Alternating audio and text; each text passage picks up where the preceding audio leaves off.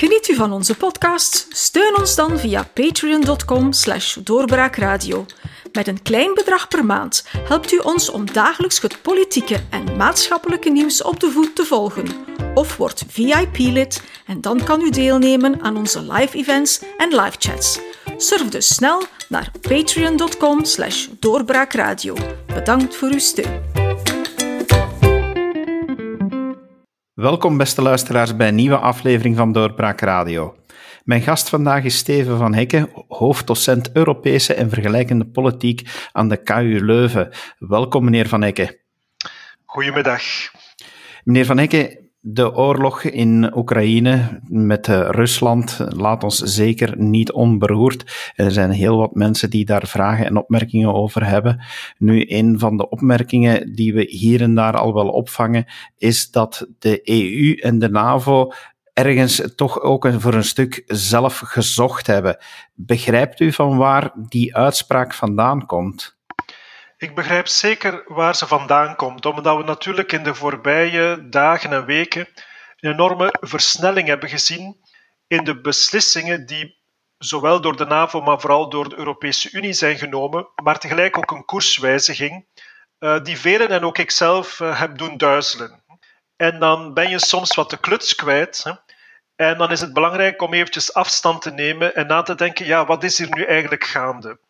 Uh, in de voorbije decennia, zeg maar sinds de val van de Berlijnse muur, maar ik kop er ook altijd de Duitse hereniging aan en de implosie van de Sovjet-Unie, hebben natuurlijk in een tijd geleefd waarvan we dachten dat door internationale handel, multilaterale instellingen, eigenlijk we een relatief vredevolle situatie leefden, toch in de meeste delen van de wereld, uiteraard niet overal. En daar lijkt nu toch een abrupt einde aan te komen. Zeker vanuit het standpunt van de NAVO en vanuit de Europese Unie. Tot anderhalf jaar geleden zei nog de Franse president Emmanuel Macron dat de NAVO hersendood was. En er zijn ook altijd natuurlijk criticasters die vinden of zich afvragen waarvoor die Europese Unie nu eigenlijk dient. Als het toch alleen maar een soft power is die de andere werelddelen de les speelt op vlak van mensenrechten, maar intern ook heel wat problemen heeft.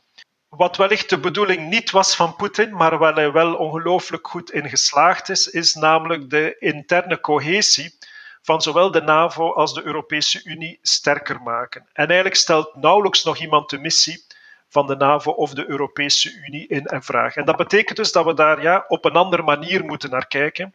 Ik denk dat het echt een gamechanger is wat er in de voorbije dagen is gebeurd. Het is altijd moeilijk als we nog zo dichtbij zitten wat nu echt het besliste moment was. Voor mijzelf was dat eigenlijk uh, vorige week zondag, um, eind februari, de toespraak van de Duitse bondskanselier Olaf Scholz in de Bundestag, die echt uh, de 30 jaar Ruslandpolitiek bij het grof, grof huisvuil heeft en gezet. En dus een bocht maakt van 180 graden. Zeer verregaand. Het zat al wat aan te komen. Nord Stream 2 had hij zelf de stekker al uitgetrokken, omdat hij natuurlijk vond of voelde dat dat niet houdbaar was. En je ziet ook, eens er sancties worden genomen, niemand wil de laatste zijn en zich moeten verantwoorden waarom hij of zij zo lang heeft gewacht met een sterk standpunt in te nemen ten aanzien van uh, Poetin.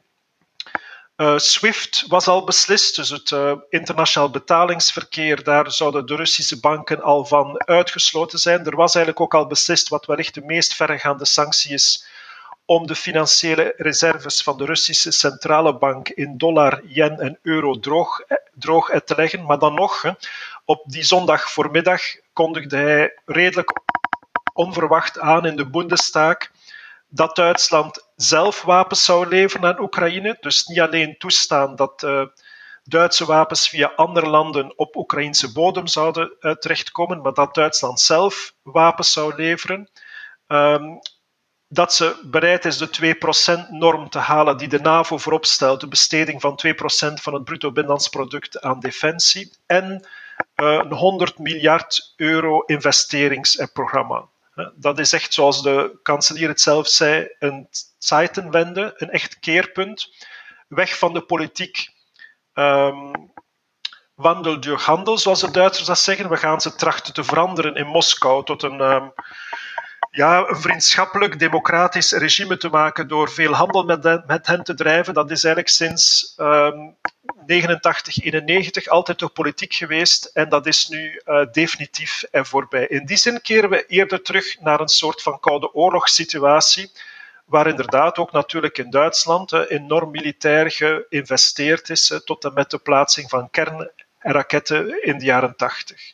Dus ja, het feit dat je echt met een paradigma shift te maken heeft, is zeer verregaand, doet duizelen. De, tempo van de beslissingen en de, en de richting eh, is echt bloedstollend. Heb ik zelf ook nog niet gezien en ik kan het ook alleen tot nu toe vergelijken met wat er in 89, 90, 91 is gebeurd. Maar het is belangrijk van daar wat afstand te nemen en na te gaan, ja kijk, wat is er nu gaande? Het is in de eerste plaats een reactie op een um, invasie hè, van Rusland in Oekraïne. Hè, iets wat we sinds de Tweede Wereldoorlog niet hebben gezien. Hè. Ik ben zelf gesocialiseerd tijdens de oorlogen in ex-Jugoslavië. Dat was toen mijn studentenperiode en dat heeft bij mij ook een zeer diepe indruk nagelaten. Ik herinner mijzelf ook nog een jeugdkamp in Italië, waar er uh, Kroatische leeftijdsgenoten waren uh, die daar toch zijn geraakt in Noord-Italië, ondanks de burgeroorlog, de oorlog die aan de gang was. Dus dat, dat ben ik zeker niet en vergeten. Maar zelfs wat we nu meemaken, gaat die vergelijking eigenlijk niet op, omdat het de eerste keer is dat er inderdaad één staat een andere staat gewoon binnenvalt. Nogmaals, dat hebben we sinds de Tweede Wereldoorlog eigenlijk niet meer meegemaakt. Dat is natuurlijk een enorme shock uh, voor heel velen. Dat doet natuurlijk niets af aan de gruweldaden die tijdens de oorlogen in Joegoslavië zijn gebeurd. En ik weet dat er ook heel veel vergelijking maken met de NAVO-bombardementen op Servië. Misschien kunnen we daar later in het gesprek nog op terugkomen. En dat heeft zeker zijn, zijn plaats. Hè. Maar wat we in de voorbije weken hebben gezien, hè, is echt iets wat we op het Europese continent de laatste 70 jaar niet meer hebben meegemaakt. Ja, en dus is de vraag, wie is daar nu verantwoordelijk voor? Uiteraard daar is weinig discussie over. Het is de oorlog van Vladimir Poetin uh, en zijn entourage, hè, niet van de Russische bevolking, misschien zelfs niet van de Russische staat, alhoewel je kunt afvragen in hoeverre je een onderscheid kunt maken tussen het Poetin-regime en de Russische staat. Dat is gemakkelijker gezegd dan gedaan. Als er volgend jaar vanuit mijn universiteit bijvoorbeeld de vraag is van Russische universiteiten om de samenwerking verder te zetten, ja, waar begint en waar eindigt die staat, dat is gemakkelijk gezegd, maar moeilijk en gedaan. Dat zijn allemaal problemen die ons te wachten staan. Dus het is zeker Poetins war, de oorlog van Vladimir Poetin. En um, Oekraïne is ook duidelijk het slachtoffer. Dat maakt het ook redelijk helder. In veel conflicten die we sinds de Tweede Wereldoorlog hebben gezien, is dat veel minder duidelijk. Gaat het dikwijls om niet-statelijke actoren, uh, om guerrilla-bewegingen. Zelfs ook het uiteenvallen van Joegoslavië was ook geen klassieke oorlog van één staat tegen het andere. Hè.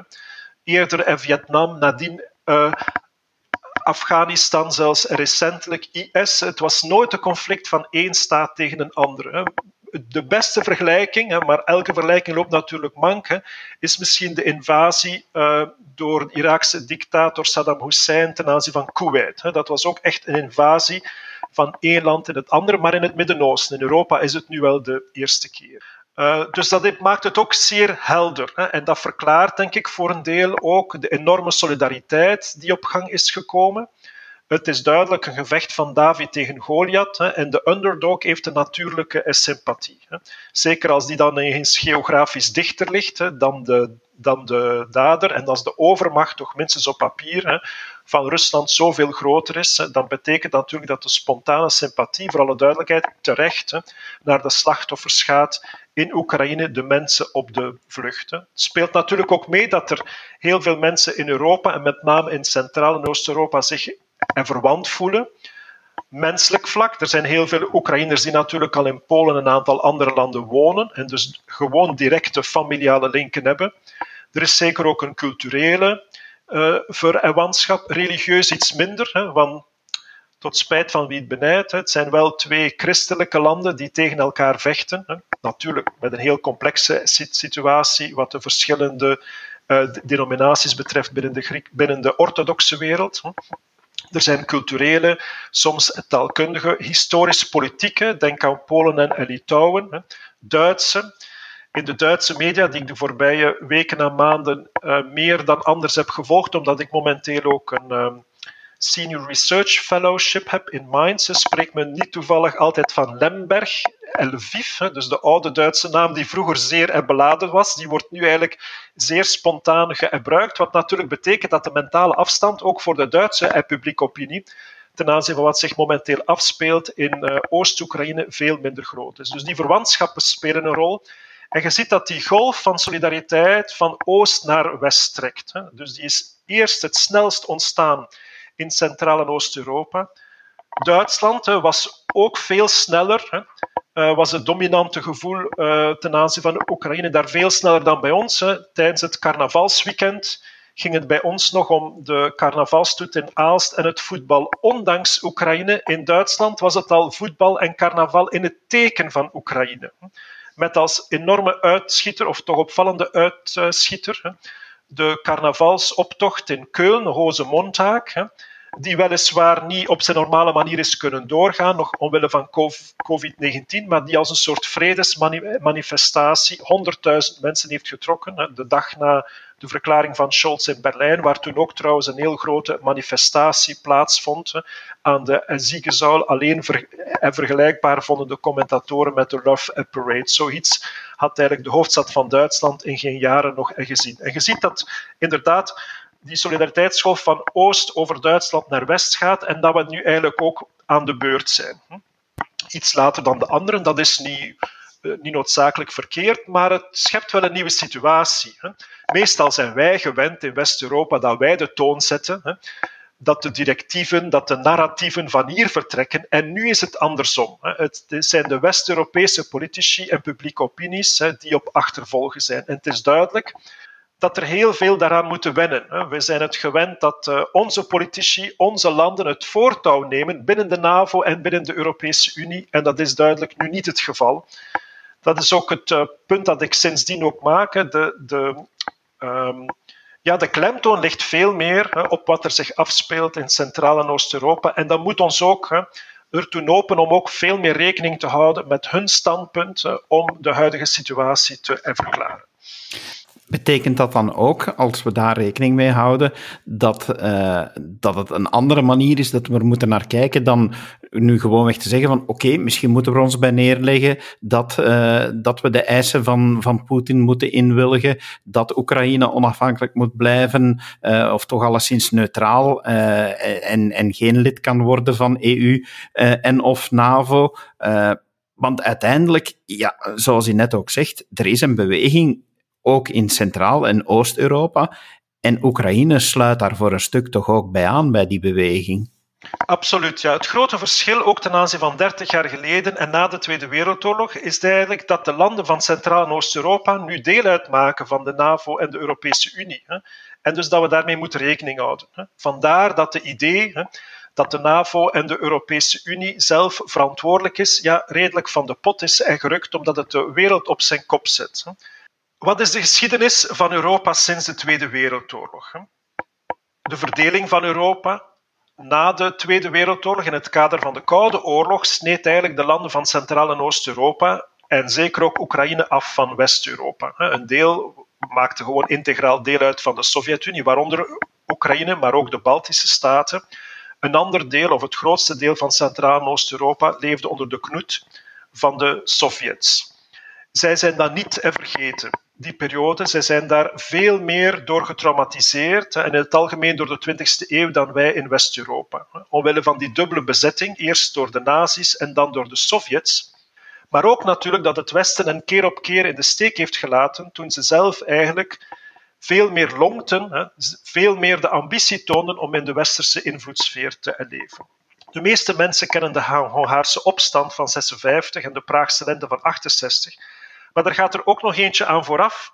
De volksopstand in Berlijn in 1953, en er stond nog niet eens een muur, waarbij echt op enkele meters van West-Europa een um, spontane opstand van burgers die zich verzetten tegen het communistische regime um, in, gewelddadig wordt uh, ten onder gedrukt hè, en wat een enorme emigratiegolf heeft tot uh, stand gebracht, nota bene, van Oost-Berlijn en de DDR in het algemeen richting West-Duitsland. En als reactie daarop hebben dan de Oost-Duitsers de muur gebouwd, eigenlijk om de feitelijke leegloop van Oost-Berlijn en Oost-Duitsland te, te, stoppen. Dus de opstand in Oost-Berlijn, Hongarije, Praag en ook wat er zich eind jaren 70, begin jaren 80 heeft afgespeeld in Polen.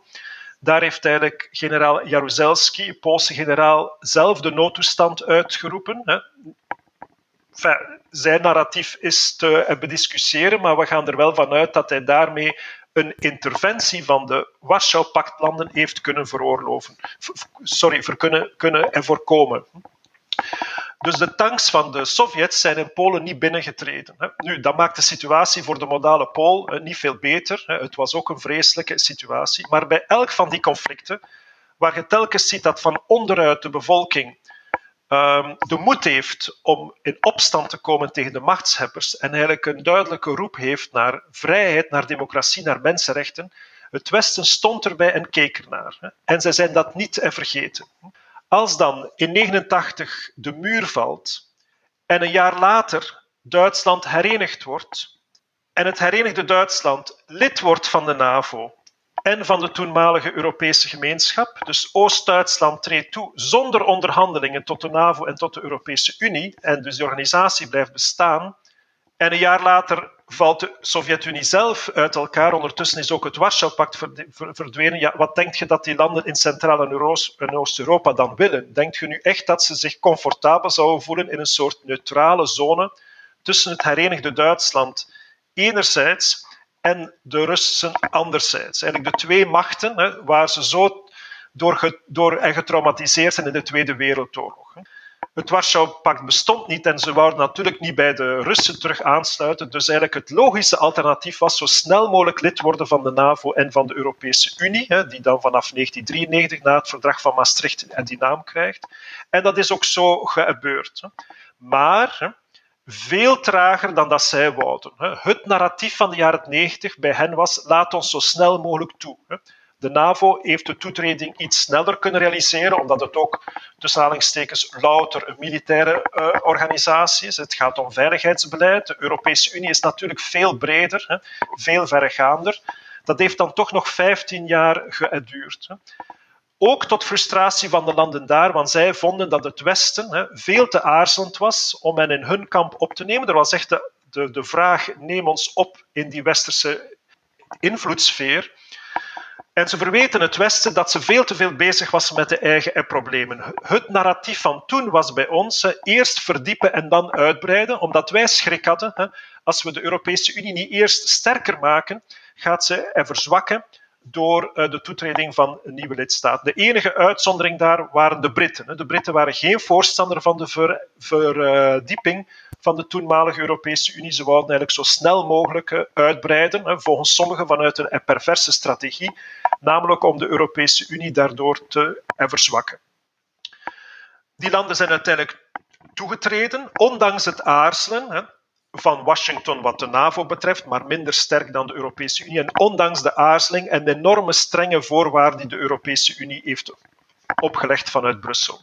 De idee dat dat Moskou zou provoceren, hè, dat speelde in de jaren 90 geen enkele rol. Hè. Dat nu inroepen als een argument is eigenlijk oneigenlijk. Dat is een argument dat wellicht later aan belang heeft gewonnen toen Poetin aan de macht is gekomen, maar dan spreken we van de jaren 2000.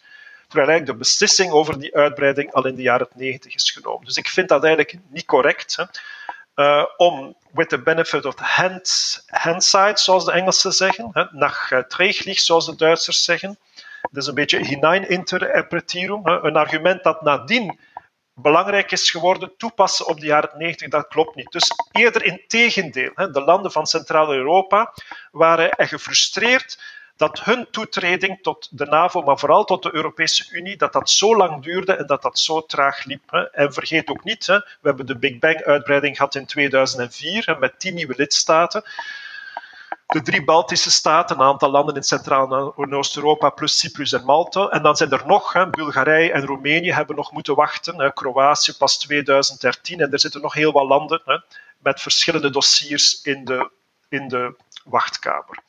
Dat natuurlijk voor, voor het donkere manen niet in rekening brengen en tegelijk dan de idee opperen dat wij eigenlijk schuld treffen omdat we Moskou hebben geprovoceerd, wat ik, wat ik vind dus dat, dat dat niet klopt. Hè. is ook vanuit een ander standpunt heel discutabel, want dan keert je eigenlijk terug naar de situatie van de Tweede Wereldoorlog en de Koude Oorlog. Met name dat het Westen en Rusland onder elkaar zal bepalen hè, wat de toekomst is van de landen in Centraal- en Oost-Europa. Ik denk dat het geen goed idee is om daar naartoe te komen. En het is ook moreel ver, uh, verwerpelijk dat we eigenlijk de stem van Oekraïne daar niet in uh, horen. Dat is eigenlijk ook iets wat mij zeer sterk opvalt bij de commentatoren. De collega-academici die dan hebben, ja, we moeten Rusland ontzien en we moeten terug aan tafel gaan, maar ze spreken nooit over Oekraïne. Dat kan natuurlijk niet de bedoeling zijn. Enfin, die, die redenering komt vanuit de zogenaamde realistische school van internationale betrekkingen, hè, waarbij er een belangrijke klemtoon is voor het nationaal belang en uh, voor de veiligheidsvereisten uh, van individuele lidstaten. Dat uh, begrijp ik. Hè. Maar ik denk dat de toepassing nu dus op drie manieren niet klopt. Ze klopt feitelijk niet, hè, omdat je, als je zegt dat de uitbreiding van de NAVO en de Europese Unie te snel heeft plaatsgevonden en de Russen heeft geprovoceerd dat je daardoor de geschiedenis herschrijft. Nogmaals, dat was zeker niet een narratief in de jaren 90, dat is pas later gekomen en Poetin heeft dat natuurlijk maximaal uit en gemolken. En dus verschillende hebben dat argument overgenomen. We hebben dat trouwens ook gezien in de discussie binnen de Europese Unie met Polen en Hong Hongarije, dat de verschillende argumenten van Orbán en Warschau eigenlijk dan worden overgenomen door commentatoren in West-Europa. Dus die, die retoriek is dikwijls zeer sterk, maar we moeten ons daar heel goed van en bewust zijn en niet zomaar daarin meestappen. Dus het klopt helemaal niet, hè, zoals Poetin de geschiedenis tracht te herschrijven, moeten wij er ons voor hoeden om niet de geschiedenis te herschrijven van de uitbreiding van de NAVO en de Europese Unie. Ze klopt ook op een tweede manier niet, zoals ik daarnet al op alludeerde. Het is ook een moreel verwerpelijk standpunt, omdat je eigenlijk alleen naar de dader kijkt en de bystander en niet naar het slachtoffer. Ik denk dat we geen internationale politiek kunnen voeren waarbij grootmachten onder elkaar, zoals in de 19e, begin van de 20e eeuw, gaan beslissen over het lot van kleine, middelgrote staten. Eigenlijk is de Europese Unie, de NAVO, net opgericht om kwetsbare, kleine en middelgrote staten te beschermen. In zekere zin zou je kunnen zeggen, Frankrijk, Duitsland, Verenigd Koninkrijk en zeker de Verenigde Staten, die hebben het minst nood aan de NAVO. En voor de Europese Unie, Duitsland en Frankrijk zouden ook wel overleven in een globaliseerde wereld zonder de Europese Unie. Die beide organisaties, nooit gezegd dat ze perfect zijn. Er valt uiteraard heel veel op aan te merken. Hè.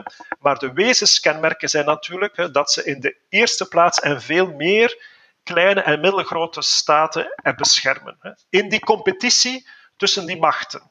En dus is het ook vanuit dat standpunt niet onlogisch dat die landen van Centraal- en Oost-Europa daar willen bij aansluiten en dat ook Oekraïne dat zelf al op tafel heeft gelegd.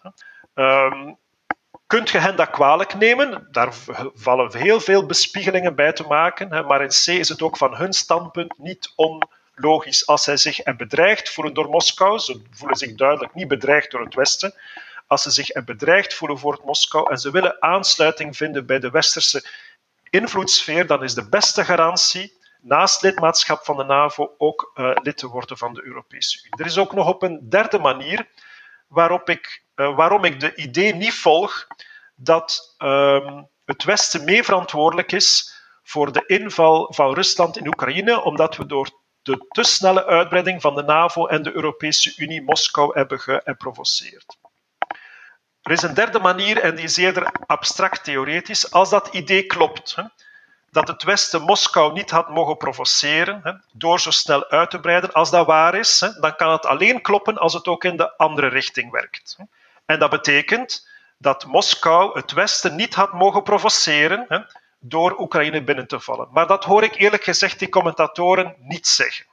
Dus het is een soort theoretisch inzicht van de realisten die eenzijdig wordt toegepast. En daarmee tonen ze eigenlijk dat het niet klopt. Want als het wel zou kloppen, dan moet je het aan de twee kanten toepassen. En betekent dat als een alliantie uh, een staat niet mag provoceren of vice versa, dat dat dan ook in de twee richtingen werkt. Hè. Dus als het waar is dat Moskou geprovoceerd is door de te snelle uitbreiding van de NAVO en de Europese Unie, dan is het ook waar dat het Westen geprovoceerd is door de eenzijdige inval van Rusland in Oekraïne. Dus dat zijn een aantal redenen waardoor ik denk, ja, um, nogmaals, de NAVO en de Europese Unie zijn niet perfect, maar het is een beetje de wereld op haar kop hè, om nu uh, die rollen om te draaien. Ik denk uh, dat we moeten opletten dat we niet te veel uh, in de retoriek van Poetin meestappen. Vanuit die redenering ja, is, is het vraagstuk moreel eigenlijk heel duidelijk te beantwoorden. En mogen we Oekraïne zeker niet loslaten, omdat u, zoals u zegt, een van de belangrijkste argumenten is, ja, wat wil Oekraïne zelf? Een zeer terechte opmerking die u maakt natuurlijk, dat maakt het conflict dan nu niet makkelijker, want ja, we kunnen wel moreel heel makkelijk dan de kant van Oekraïne kiezen, maar het zal niet 1, 2, 3 voor een oplossing zorgen, neem ik aan. Nee, dat is ook waar. Dat is de beperktheid van mij, maar ook van vele standpunten. Eerlijk gezegd, ik heb ook geen pasklare oplossing en ik denk niemand. Ik ben ook, heb ik ik ben ook niet noodzakelijk een voorstander van de interventie van de NAVO, omdat je weet waar je begint, maar je weet niet waar je eindigt. Ik ben ook niet per se een voorstander van onmiddellijk lidmaatschap van Oekraïne uh, bij de Europese Unie. Uh, ik zie daar natuurlijk wel een aantal uh, redenen toe, maar ik ben daar ook niet heel enthousiast over. Dus het is ook niet zo dat ik mijzelf in het kamp zie van diegenen die nu vinden dat je niet meer met de realiteit op het terrein moet rekening houden. Maar inderdaad, hè, we moeten een soort van tussenoplossing vinden waarbij toch de stem van Oekraïne doorslaggevend is. Ik vind niet dat het aan de ander is om nu over hun lot te beslissen. En hoe harder en hoe zwaarder de oorlog uh, duurt, hoe meer recht van spreken ze eigenlijk kunnen hebben. En we zullen daar op een bepaald moment wel een soort modus van vivendi kunnen vinden. Maar alleen natuurlijk, als Rusland ook bereid is van te, van te, ja, van te spreken, dat is ook iets wat mij wel frappeert dat diegenen die nu pleiten voor dialoog met Moskou uh, precies vergeten zijn uh, hoe uh, Poetin ons de voorbije weken, maanden, om niet te zeggen jaren, al aan het lijntje heeft gehouden en een soort rat voor de ogen heeft gedraaid. Ik zie niet in op welke manier je nu een dialoog zou kunnen starten die vertrouwen heeft in wat het Poetin-regime ehm, doet, laat staan wat ze zegt. Dat lijkt me heel moeilijk. En dat is niet de fout van het Westen, dat is ook niet de fout van de Oekraïne dat hebben de Russen nu echt aan zichzelf te danken. Uiteraard, het is pervers, want het zijn de Oekraïners op het terrein die daarvoor de prijs betalen. Het is heel moeilijk om eh, uit, uit die situatie zich los te wrikken. We, we, hebben heel veel sympathie en steun, maar zelfs dat heeft een pervers trekje, want hoe moedig ze zich ook tonen, hoe groter de, de vernielingen zullen zijn, hoe meer slachtoffers er zullen vallen. Dus het is een zeer pervers conflict. Um, waarvan ik zelf ook niet meteen zie wat daar de uitkomst nu is. Net omdat hè, Moskou zich in een uh, onmogelijke positie heeft gevrongen, de agressor spelen en eigenlijk niet geloofwaardig zijn op en vlak van woord en daad. Hè. Tegelijk niet onmiddellijk zien wat het Westen daar zou kunnen uh, doen zonder zelf in een grootschalig conflict uh, betrokken te geraken. Ik vrees dat het nog heel lang zal duren, dat het veel vernielingen zal teweegbrengen en heel veel slachtoffers en leed zal uh, teweegbrengen. Het enige wat we kunnen doen, hè, voorlopig, is uh, actief solidair zijn op verschillende manieren. Hè. Uh, en ook hen steunen, hè, voor en achter de schermen. Hè. Het is niet omdat we natuurlijk zelf niet militair willen of kunnen tussenkomen, hè, dat we niet onder de radar natuurlijk hen van allerlei hand- en spandiensten kunnen voorzien. Ik mag alleen maar hopen dat de Amerikaanse, de Britse, de Franse veiligheidsdiensten Kiev ter uh, hulp staan. dat er inderdaad levering van materieel is, zodanig dat ze zoveel mogelijk weerstand kunnen bieden tegen het Russische leger, dat toch ook geen droomcampagne uh, aan het voeren is uh, op hun grondgebied. Meneer Van Ecken, dank u wel dat u de tijd hebt genomen om een zeer interessante toelichting te geven op dit conflict en ons uh, beter te laten begrijpen wat daar gebeurt en hoe we er kunnen naar kijken. Dank u voor uw tijd. Graag gedaan. En u, beste luisteraar, dank u wel dat u geluisterd hebt. Hopelijk heeft u er wat van opgestoken en heel graag tot een volgende keer. Dag. Dit was een episode van Doorbraak Radio, de podcast van doorbraak.be. Volg onze podcast op doorbraak.be/slash radio of via Apple Podcasts, Overcast of Spotify. Bezoek ook onze website op doorbraak.be en steun ons door een vriend te worden van Doorbraak.